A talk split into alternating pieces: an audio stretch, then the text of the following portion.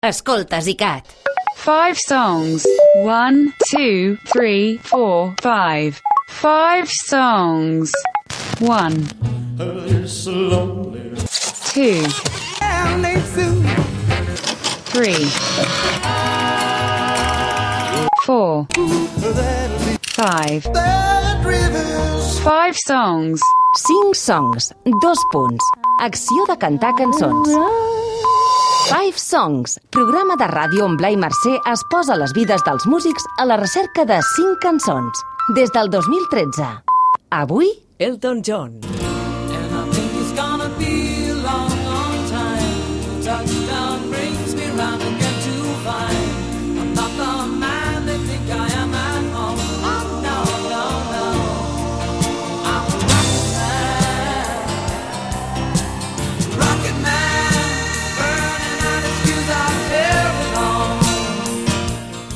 Què tal, com esteu? Benvinguts a una nova edició del Five Songs. Avui tenim un d'aquells Five Songs Special, un programa on no hi ha cap entrevistat, però en canvi sí que hi ha una mica de recerca. L'autobiografia d'Elton John ha estat una de les grans novetats literàries en tot el que portem d'any. Ens l'hem llegit apassionadament per extreure allò que més ens interessa, que ja sabeu què és, la relació d'Elton John amb cançons i discos que van marcar la seva vida. Sobretot ens hem volgut aturar a la seva infància, però també hem fet algunes incursions als anys posteriors. Jo, Elton, editat en castellà per Reservoir Books, és un llibre sense filtre, on el músic anglès parla de temes com la seva addicció a les drogues, l'homosexualitat i la relació amb els seus pares o amics com Lady Di, John Lennon o George Harrison. El que farem en la propera mitja hora és una recreació d'aquest llibre amb la veu de Francesc Vila, amb alguns fragments seleccionats del llibre traduïts al català. Endavant, doncs, amb aquest Five Songs especial dedicat a la figura d'Elton John. Elton John en 5 songs. Va ser la meva mare qui em va fer escoltar per primer cop Elvis Presley.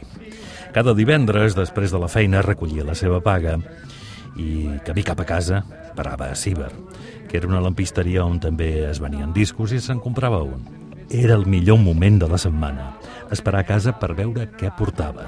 Com que li encantava sortir a ballar i li agradava la música de les grans bandes, Billy May i la seva orquestra, Ted Heath, i era una gran fan dels cantants nord-americans com Johnny Ray, Frankie Lane, Nat King Cole i Guy Mitchell. Guy Mitchell cantant She Wears Red Feathers in a Holly Holly Skirt. baboons, out bassoons, and later comes the bride. I'll get it for you. Here in London town, and though it may seem silly, she's here with me, and you ought to see us stroll down Piccadilly. The boys in the London Bank kind of hold their breath. She sits with me and sips her tea, which tickles them to death. She wears red feathers and a hooly-hooly skirt. She wears red feathers and a hooly-hooly skirt. Però un divendres va arribar a casa amb una cosa diferent. Em va comentar que mai havia sentit res semblant, però que era tan increïble que havia hagut de comprar-ho. Quan va pronunciar el nom el vaig reconèixer. El cap de setmana anterior havia estat fullejant les revistes de la barberia del barri quan eh, estava esperant que em tallessin els cabells. I vaig topar amb una foto d'un home amb la pinta més estrafolària que havia vist mai. Tot en ell era insòlid. La roba, el pentinat, fins i tot el posat. Comparat amb les persones que es veien a través de la vidriera de la barberia de Pinner, un barri situat al nord-oest de Londres, semblava un extraterrestre verd amb antenes al cap. Em vaig quedar tan absort mirant aquella fotografia que ni tan sols em vaig molestar a llegir l'article. I quan vaig arribar a casa n'havia oblidat el nom. Però sí, efectivament, era el mateix. Elvis Presley. Well, since my baby left me, well, I found a new place to dwell. Well, it's down at the end of Lonely Street, that heartbreak hotel where I'll be. I'll be just so lonely, baby. Well, I'm so lonely. I'll be just so lonely, I could die. Although it's always crowded, you still can find some room for broken-hearted lovers to cry there so, I'll be just so lonely, baby. I'll be just so lonely. So lonely, die. Així que la meva mare va posar el disc. Em va quedar clar que sonava en consonància amb aquell look, que era algú que venia d'un altre planeta. Al costat del que solien escoltar els meus pares, Heartbreak Hotel, amb prou feines es podia considerar música. Una opinió sobre la qual, per cert, el meu pare s'esplaiaria en el futur. Jo ja havia sentit rock and roll, rock around the clock. Havia estat un gran èxit l'any 1956, però Heartbreak Hotel sonava completament diferent. Era un tema cru, dispers, lent i inquietant, on en tot moment ressonava un eco estrany. Senties literalment l'estranya energia que emanava, com si fos contagiosa, com si sortís de l'altaveu de la radiogramola i t'anés directament al cos.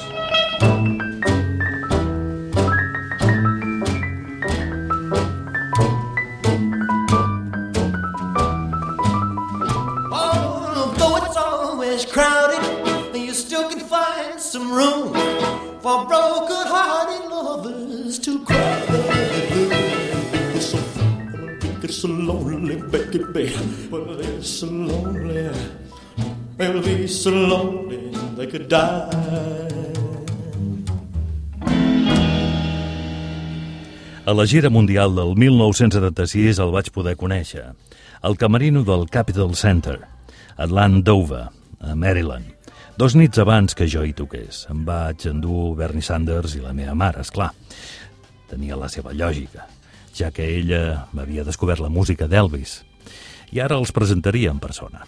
Estava envoltat pels seus cosins, per vells amics de Memphis, per gent que semblava haver estat contractada específicament per acostar-li begudes i tovalloles. Quan em vaig obrir camí entre tots ells per donar-li la mà, se'm va trencar el cor. Hi havia alguna cosa en ell que no estava bé. Era perceptible i desolador. Tenia sobrepès, estava canós i suava molt. Allà on hi havia d'haver els ulls, hi havia dos forats negres inexpressius. La trobada va ser tan breu i poc natural que em va provocar dolor. Estava enlluernat i horroritzat a la vegada. I això no és una bona combinació per tenir una bona conversa. I Elvis bé, Elvis mai vaig saber si és que Elvis no tenia ni idea de qui era jo, o bé ho sabia perfectament i no li venia amb gust de veure'm. Li vaig preguntar si tocaria Heartbreak Hotel i va remugar d'una manera que volia dir que, que no la tocaria. Li vaig demanar un autògraf i li tremolaven les mans. Vam anar al concert i a la sortida la meva mare em va dir l'any que ve estarà mort. I va tenir raó. You ain't nothing but a hound dog. You're crying all the time. You ain't nothing but a hound dog. Crying all the time.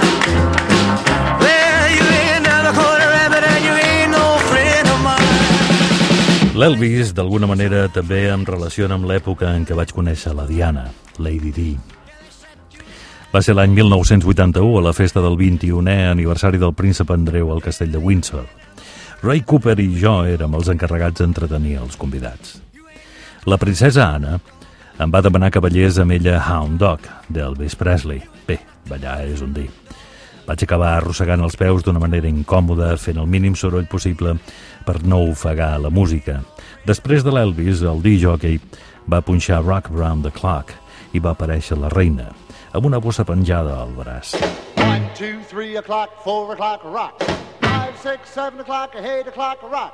Nine, ten, eleven o'clock, twelve o'clock, rock. We're gonna rock around the clock tonight. The glad rags on. Join me, hun. We'll have some fun when the clock strikes one. We're gonna rock around the clock tonight.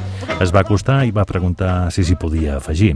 Així que ja em veus a mi ballant de la manera més inaudible possible amb la princesa Anna i la reina, que encara tenia la bossa a la mà.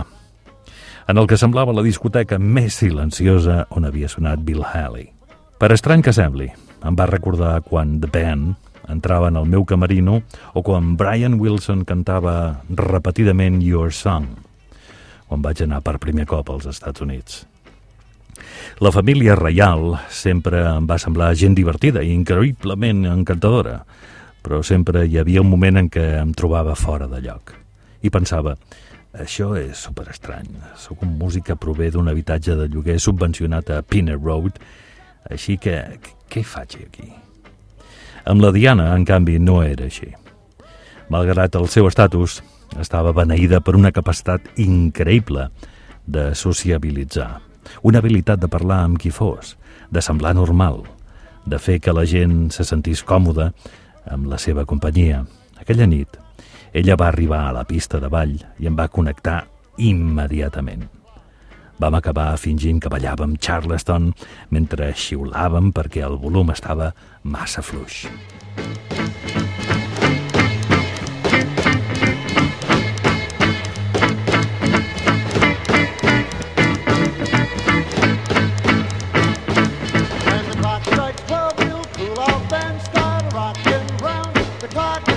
We're gonna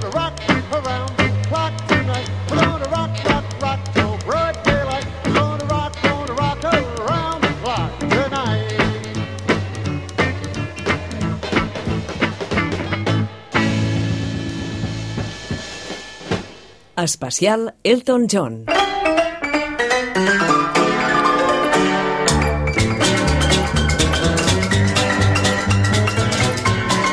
Jo ja em considerava un boig de la música i fins i tot tenia una petita col·lecció de discos de 78 revolucions per minut, pagats amb els vals i girs postals que rebia pel meu aniversari per Nadal. Fins llavors, el meu ídol havia estat Winifred Atwell, una corpulenta dama de trinitat increïblement riallera que actuava amb dos pianos a l'escenari. Un de mitja cua, on interpretava temes clàssics lleugers, i un de vertical, una mica trotinat per a les cançons de pop i ragtime. Em semblava fabulosa. Mai havia experimentat res semblant quan l'escoltava. Però quan va sonar Heartbreak Hotel, va ser com si alguna cosa hagués canviat per sempre, que res pogués continuar igual. Com es va comprovar, després, efectivament, alguna cosa va canviar. I res va tornar a ser el mateix.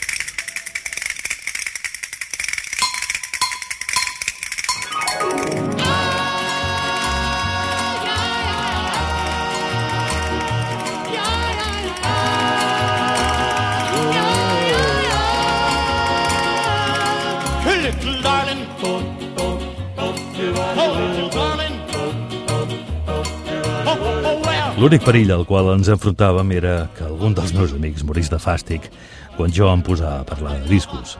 No en tenia prou en col·leccionar-los. Cada cop que em comprava un, ho apuntava tot en un quadern. Escrivia els títols de les cares A i B i tota la informació que oferia el segell discogràfic, és a dir, compositor, editor, productor... Després memoritzava aquesta informació fins que em vaig convertir en una enciclopèdia musical ambulant. Una pregunta innocent com ara per què saltava l'agulla quan poses Little Darling de Diamonds? Em portava a informar tothom que fos prou a prop que això passava perquè era una gravació de Mercury Records que distribuïa per al Regne Unit que era l'únic segell que llançava discos de 78 revolucions per minut d'un vinil absolutament innovador, en lloc de l'antiquada goma laca, i que les agulles fetes per aquesta goma laca no responien de la mateixa manera al vinil. all is so grand. Please hold my hand. My head get up, was wrong. To too. Un psicòleg probablement diria que de nen intentava crear una sensació d'ordre a la meva vida caòtica, amb el meu pare sempre anant i venint, totes les baralles i bronques. Jo no tenia cap control sobre això, ni sobre el caràcter de la meva mare, però sí sobre el que hi havia a la meva habitació. Els objectes no podien fer-me mal, em reconfortaven. Jo hi parlava, em comportava com si tinguessin sentiments. Si se'n trencava alguna cosa, m'emportava un bon disgust, com si hagués matat algun ésser viu. Durant una discussió particularment desagradable, la meva mare li va llançar al meu pare un disc que es va trencar en no sé quants trossos. Era The Robin's Return, de Dolores Ventura, una pianista australiana de ragtime. Recordo que vaig pensar, com has pogut fer això? Com pots haver trencat una cosa tan bonica?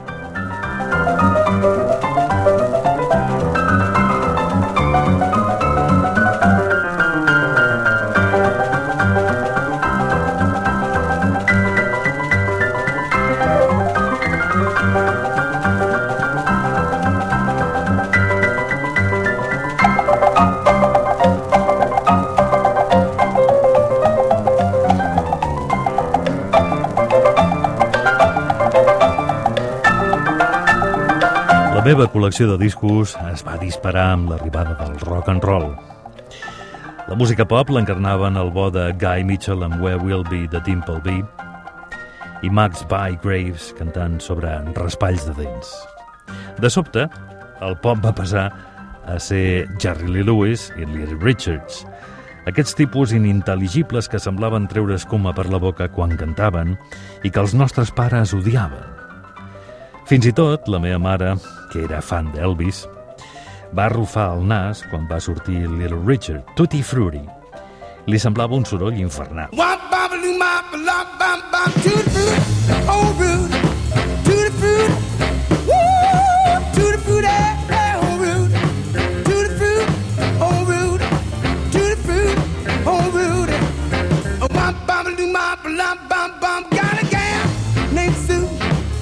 She knows just what to do. I got a gal named Sue. She knows just what to do. She brought me to the east, she brought me to the west, but she's the gal that I love best.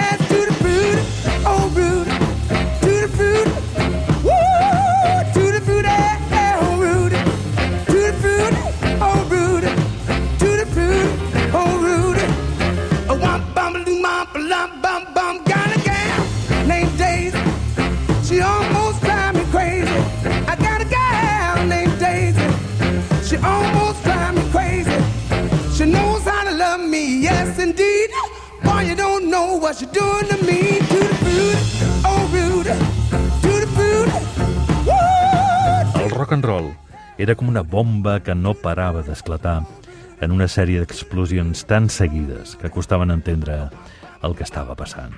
Hound Dog, Blue Suede Shoes, Whole Lot of Shaking Going On, Long Tall Sally, That'll Be the Day, Roll Over Beethoven, Reed Petit. Em vaig haver de posar a treballar els dissabtes per no quedar-me enrere.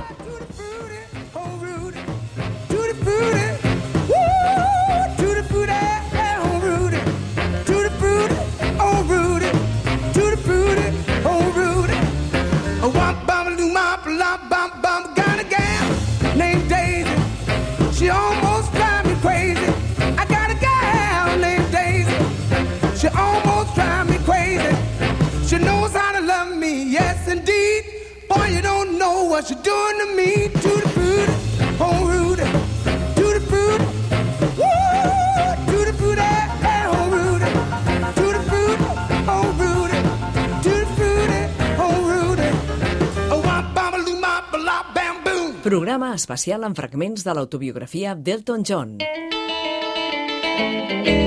Well, that'll be the day when you say goodbye. Yes, that'll be the day when you make me cry. You say you're gonna leave. You know it's a lie, cause that'll be the day when I die. 60 anys després costa explicar com n'arribava a semblar de revolucionari i escandalós el rock and roll. Si agafem com a exemples de pànic moral el que la música pop ha provocat des de llavors, el punk, el gangster rap, els mods, els rockers i el heavy metal, els ajuntem i els multipliquem per dos, ens podrem fer una idea de la indignació que va causar el rock. La gent el va odiar a mort. Sobretot el meu pare, a qui li agradava Frank Sinatra. Només esmentar l'Elvis i Little Richard l'impulsava a deixar anar un rotllo sobre la meva inevitable transformació en white boy, en un pispa. El més a prop que vaig estar de participar en la rebel·lió, pel que fa a la manera de vestir, eren les meves ulleres graduades bé, el temps que les portava. Se suposava que només les havia d'utilitzar per mirar la pissarra. però des de la demencial convicció que amb les meves ulleres tenia un aire a l'estil de Buddy Holly, les portava sempre. Amb la qual cosa em vaig destrossar la vista del tot. Llavors sí, que me les vaig haver de posar per sempre. El deteriorament de la vista també va tenir conseqüències inesperades en el tema de l'exploració sexual. No recordo les circumstàncies exactes, però el meu pare em va enxampar masturbant-me. Em va advertir que si ho continuava fent, em quedaria sec. En tot el país, els nois sentien aquesta mateixa frase, però a mi em va afectar especialment. I sí, era cert. Ja m'havia destrossat prou la vista amb el meu intent insensat de semblar-me a Barry Holly. Així que vaig decidir no córrer més riscos. Molts músics diran que Barry Holly va tenir un gran impacte en la seva vida personal i artística, però probablement jo sóc l'únic que pot dir que, sense saber-ho, va aconseguir que mai més em masturbés. That'll be the day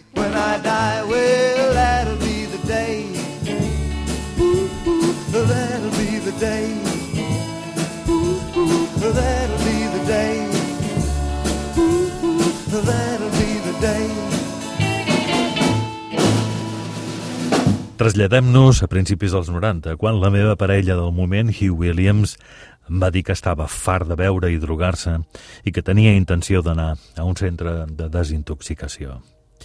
Vaig recordar una festa que havia organitzat feia dos anys, a la qual vaig convidar Bob Dylan i George Harrison, i el mateix Harrison em va dir, Elton, crec que hauries d'anar amb compte amb aquestes velles pólvores blanques. Un dels Beatles m'estava dient en públic que fes alguna cosa amb la meva afició a la cocaïna, però simplement m'ho vaig prendre com si fos una broma. En canvi, amb en Hugh no m'ho vaig prendre de broma. Ens vam discutir i la baralla va ser horrible. Vaig decidir anar-lo a veure al centre, el mateix on Ringo Starr va ser tractat d'alcoholisme i vaig tornar a explotar. Vaig agafar un avió cap a Londres i vaig passar dues setmanes amagat a la meva habitació, esnifant cocaïna i bevent whisky. Les poques vegades que menjava em provocava el vòmit immediatament. Vaig estar despert dies sencers, veient porno i col·locant-me. No contestava el telèfon, no obria la porta. De vegades escoltava música, em posava Don't Give Up, de Peter Gabriel i Kate Bush. Una vegada i una altra hi plorava amb la lletra. No fight left, or so it seems. I am a man whose dreams have all desert. No em queda energia, o això sembla. Sóc un home que els somnis l'han abandonat. Got to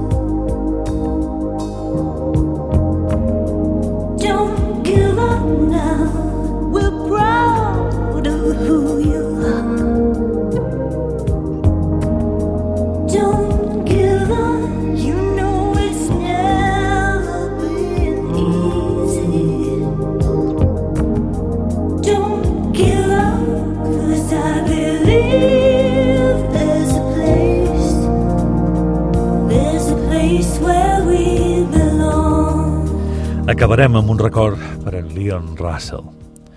Poc després de casar-me amb en David, l'any 2005, ell solia fer llistes de reproducció de coses que m'havien inspirat al llarg de la meva carrera, en els seus començaments, i que ell, evidentment, no havia escoltat perquè era massa jove. Se les enduia per escoltar-les a la nostra habitació de l'hotel quan anàvem de vacances amb les nostres amigues Ingrid i Sandy. Una tarda ens preparàvem per a sortir a sopar. En David era a la dutxa i de fons sonava Back to the Island de Leon Russell. Em va agafar amb la guàrdia totalment baixa. Em vaig asseure i vaig començar a plorar. Vaig començar a recordar en Leo entrant al camerino del Troubadour, les gires que vaig fer amb ell com a taloner, Eric Clapton, Poco. De sobte, em va semblar que tot allò havia passat feia molt i molt de temps. Now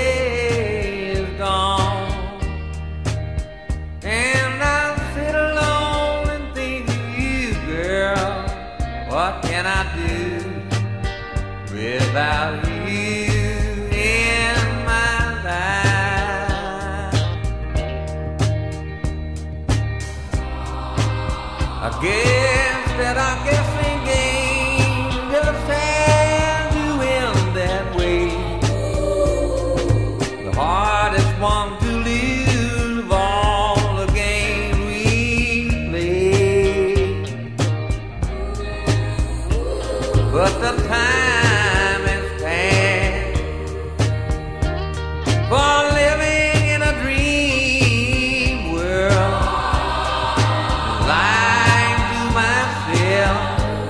Can that. Escoltava aquella cançó constantment quan vivia a Tower Grove Drive. Encara veia tot allò en el record. La fusta fosca de l'interior, la camussa de les parets del dormitori principal, la manera com el llum del sol queia a la piscina al matí. Una multitud ensopegant-se en sortir per la porta del whisky o del Rainbow, o del restaurant del qual ens feien fora. El fum de la embriagadora herba californiana i els gots plens de bourbon i els ulls blaus d'un tipus que em va atreure fins a la sala de jocs, que em va dir que era hetero, però el seu somriure semblava suggerir que era fàcil de seduir. Dusty Springfield, tornant després d'una nit fent la ronda pels bars d'ambient de la ciutat i dormint al cotxe durant el camí. La tarda que Tony King i jo vam provar la mescalina i vam acabar cridant de por després que algú a la nostra festa saltés al bressol i decidís en el seu estat alterat que inventaria un nou tipus de Bloody Mary amb un tros de fetge cru al cantó del got. Però els meus records de Los Angeles dels anys 70 estaven poblats de fantasmes. Totes les velles llegendes de Hollywood que vaig anar coneixent sobre la marxa havien mort a una edat avançada. També Ray Charles. Vaig ser l'última persona que va gravar una cançó amb ell pel seu disc de duets, 34 anys després que em convidés a actuar junts a la televisió nord-americana per primer cop. Vam cantar Sorry seems to be the hardest word. What have I gotta do to make you love me? Huh? What have I got to do to make you care? What do I do when lightning strikes me? And I wake up and find that you're not there. What have I got to do to make you want me? Mhm. What have I got to do to be heard? Ell estava massa dèbil per estar-se dret. Vaig demanar als enginyers una còpia de la cinta. No tant per la música, sinó per tenir una gravació de les nostres converses. M'imagino que necessitava una prova que allò havia passat. D'un nen que somiava a ser Ray Charles. Acabar parlant amb ell, com si fos un amic. Hi havia més fantasmes. Els de gent que no es moria de vella i que la sida es va endur de joves. Gent que s'havia matat amb l'alcohol i les drogues, que havia mort en accidents, els havien assassinat o havien mort a causa d'aquelles coses que et mataven als anys 50 i als 60 si tenies mala sort. Dee Murray, el meu vell baixista, Duke Weston, que havia estat responsable del Troubadour, Bill Graham, Cass Dudgeon, John Lennon, George Harrison i Harry Nilsson, Keith Moon i Dusty Springfield. Infinits nanos dels quals m'havia enamorat.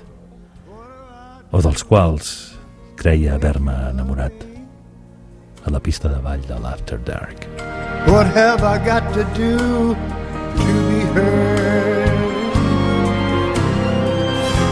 What do I do when lightning strikes me? What have I got to do? What have I got to do when sorry seems to be the hardest word? Ooh, yeah. Sorry seems to be the hardest